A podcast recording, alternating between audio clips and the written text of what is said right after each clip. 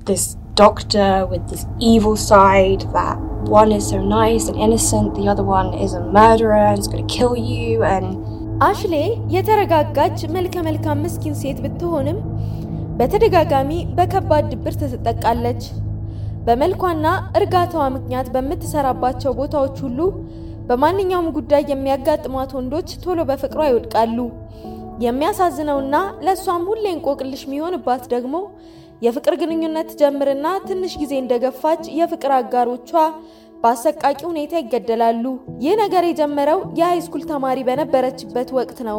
አባቷ ከማይወደው አንድ ልጅ ጋር ገና በአፍላ ዕድሜዋ ፍቅር ትጀምራለች።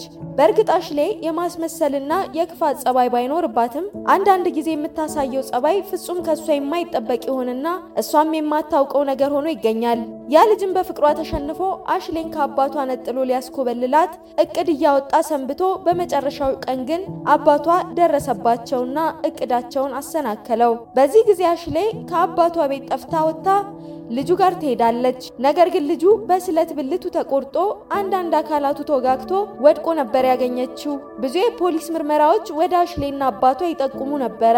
ነገር ግን አሽሌ እንኳን የሰው ነፍስ ልታጠፋ ደም እንኳን ማየት የሚከብዳት ሴት ነበረች። በዚህም ምክንያት እሷም አባቷም የማህበረሰቡን ሹክሹክታና ግልምጫ ሽሽት ከመኖሪያ መንደራቸው ለቀው ራቅ ያለ ሀገር መኖር ጀመሩ።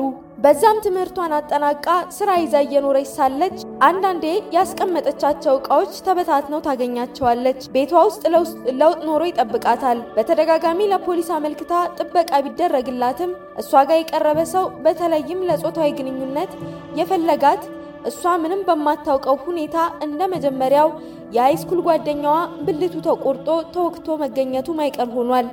አሽሌ በሕይወቷ የሚያጋጥሟት ፈተናዎች ከጊዜ ወደ ጊዜ እየበዙና እየሰፉ መጥተዋል። እሷ ላይ መመርመሪያ ማሽን ተገጥሞ እንኳን እንድትናዘዝ ቢደረግባትም እሷ ጋር ያለው እውነታ ማንንም ጎድታ ወይም ማንም ላይ ጥቃት አድርሳ እንደማታውቅ ነው የሚያመላክተው። አንድ ቀን በመስሪያ ቤቷ ውስጥ የሚሰራ አንድ ወጣት ከአሽሌ ጋር የፍቅር ግንኙነት መጀመር ይፈልጋል። በስራም አማሃኝቶ ቤቱ እንድትሄድ ያደርጋታል። ቤቱም ስትገባ ብዙ ስዕሎችና ቅርጻ ቅርጾች የወሲብ ፍላጎት የሚጨምሩ ትመለከታለች። እሱም እንድትጠጋው ፈልጎ ነበረ። አሽሌ የምታስታውሰው የመጨረሻው አጋጣሚ ቤት ውስጥ ተቀምጣ እንደነበረ ነው። ወጣቱ ግን እንደተለመደው ተቆርጦ ተወግቶ ተገሎ ተገኘ። አሽሌ ደግሞ ራሷን ራቅ ባለ ከተማ አንድ ሆቴል መኝታ ክፍል ውስጥ አገኘችው። ቶኒ የኮምፒውተር ባለሙያ ናት። ውብና ፍልቅልቅ መጋበዝ የምትወድ ሴት ናት። ብዙ ወንዶች ታወራለች፣ ትቀጥራለች፣ ትገናኛለች።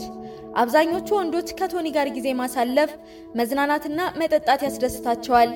ነገር ግን አልጋ ይዘው ከቶኒ ጋር ለማደር የፈለጉ ወንዶች ብልታቸው ተቆርጦ ሞተው ይገኛሉ። ቶኒም ራሷን በመሰወር የተካበች ብልጥ ሴት ስለነበረች ለማምለጥ ብዙ አትቸገርም። አሊታ ደግሞ ሰዓሊ ናት። ያልተጋነነ ትህትና አለባት። የስዕል ስራዎቿ እጅግ አስደማሚ ናቸው። ከቶኒ ጋር ይተዋወቃሉ። ሲያሻቸው ለሁለት ሰው ያማሉ። ቶኒክ ትንሽ ቅናት ቢጤም አለችባት። ግን ሁል ጊዜ የሚያዩዋትን አሽሌን በማይፈታ ፊቷና በድብርቷ ያሟት ነበረ።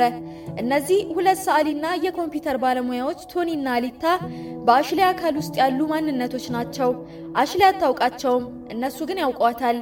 በእንደዚህ አይነት ሁኔታ አሽሌ ብዙ ከእሷ እውቅና ውጭ የሆኑ ጊዜያትን ስታሳልፍ ኖራለች። አንድ ቀን ግን በደረሰባት ከባድ አስጨናቂ ሁኔታ ጥበቃ እንዲደረግላት ስለፈለገች በዕድሜ ገፋ ያለ ትሁትና ታዋቂ የፖሊስ አዛዥ ቤቷ ያመሻል። ፖሊስ ወደ ቤቱ እንዳይሄድ የፈለገችው አሽሌ ነበረች። እሱም ሲጠብቃት ሊያድር የቤቷ ሶፋ ላይ ሊተኛ ተስማምተው ነበረ። ነገር ግን ከሌሊቱ አጋማሽ በኋላ አሽሌ ላይ ያየውን የወሲብ መገፋፋት ሊተገብር ወደ መኝታዋ ክፍሏ ይገባ። እሷ ምንም የተፈጠረውን ነገር አታውቅም። ጠዋት ግን እንደተለመደው የፖሊስ አዛዡ ተገሎ ብልቱ ተቆርጦ ተገኘ። አሽሊም ወዲያው ነበረ በፖሊስ ቁጥጥር ስር የዋለችው። የአሽሌ አባት ሊረዳት ላይታች እያለ ነበር። ፍርድ ቤትም ስትቀርብ ምን እንደተፈጠረ ምንም የምታስታውሰው ነገር የለም። ጠበቃዋ ብቻ ነበር ችግሯን የተረዳላት። በተደጋጋሚ በአሽሌ አካል ውስጥ ያሉትን ቶኒና ሊታን አውጥቶ ለፍርድ ቤቱ ሊያሳይ ሞከረ። እነሱ ግን ፍርድ ቤት ሲሆን አይወጡም፣ ይባሱኑም ይደበቁ ነበር። በመጨረሻም አሽሌ ወደ ከባዱ የመጨረሻው የፍርድ ቤት ውሳኔ ከመድረሷ ከጥቂት ሰዓታት ቀደም ብሎ ካሜራ በተገጠመበት ክፍል ውስጥ ጠበቃዋ አሽሌን ማናገር፣ ማናደድና ማበሳጨት ጀመረ። ወዲያው ትሁቷ አሽሌ በቶኒ ተቀየረች። የማንነት ለውጥ ስታደርግ በጣም ታስፈራ ነበረ። ቶኒና አሊታም እየተቀያየሩ ጠበቃውን እንገላሃለን እያሉ ማስፈራራትና መዛት ጀመሩ።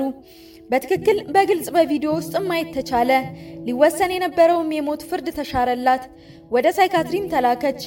የአእምሮ ህሙማን መርጃ ውስጥ ገብታ ከአምስት ዓመት ያላነሰ ጊዜ እርዳታ ሲደረግላት ቆይታ ነበር። በመጨረሻም ሁለቱ አሊታና ቶኒ የተፈጠሩበት አጋጣሚ ሲገለጥ በስድስት ዓመቷ አባቷ በተደጋጋሚ ደፍራት ነበር። በዚያን ጊዜ አሽሌ የተከላካይነት ኃይለኝነት ማንነት ስላልነበራት ኃይለኞቹ ተበቃዮቹ አሊታና ቶኒ በውስጧ ተፈጠሩ። በዕድሜ እሷ ትበልጣቸዋለች። እነሱ ግን አሽሌን ለወሲብ ግንኙነት በተለይም ሳትፈልግ የቀረባትን ወንድ ሁሉ በመበቀል እሷን ይጠብቋታል።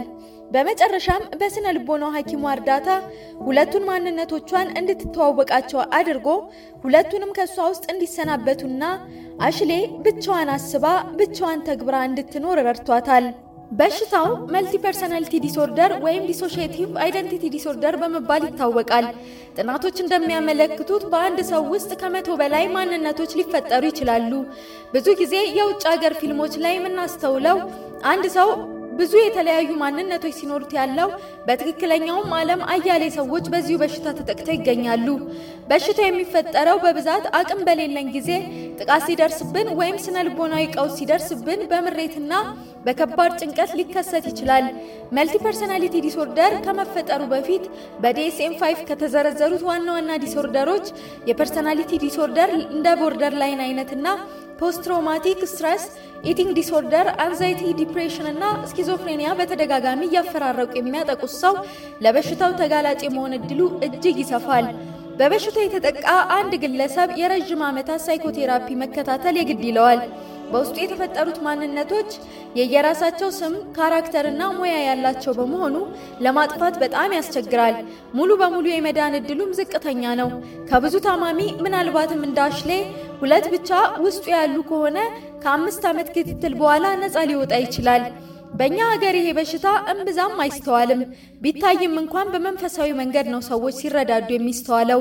ነገር ግን አንዳንዴ መንፈሳዊውን በደንብ አጥብቆ ጎን ለጎን ደግሞ የስነ ልቦና ባለሙያዎችንም የማማከር ልምድ ቢኖር ለሰው ልጆች ጥበብን የሰጠ ፈጣሪ ለታማሚውም ድህነት የሚሆንበት መንገድ ያሆኖ ሊገኝ ይችላልና ሳይካትሪ የማማከር ልምድ ሊኖረን ይገባል። ከላይ እንደ ምሳሌነት እንዲያገለግል የጠቀስኩት ታሪክ በሲድኒ ሼልደን ህልምሽን አጫውቺኝ ከተሰኘው መጽሐፍ በወፍ በረር የተዳሰሰ ነው። በይበልጥ ስለ በሽታው ለመረዳት ሙሉውን መጽሐፍ ብታነቡት የበለጠ ይረዳችኋል። መልካምና ደስ ያልተጓደለው ቀንን ተመኘውላችሁ። ቸር ሰንብቱ።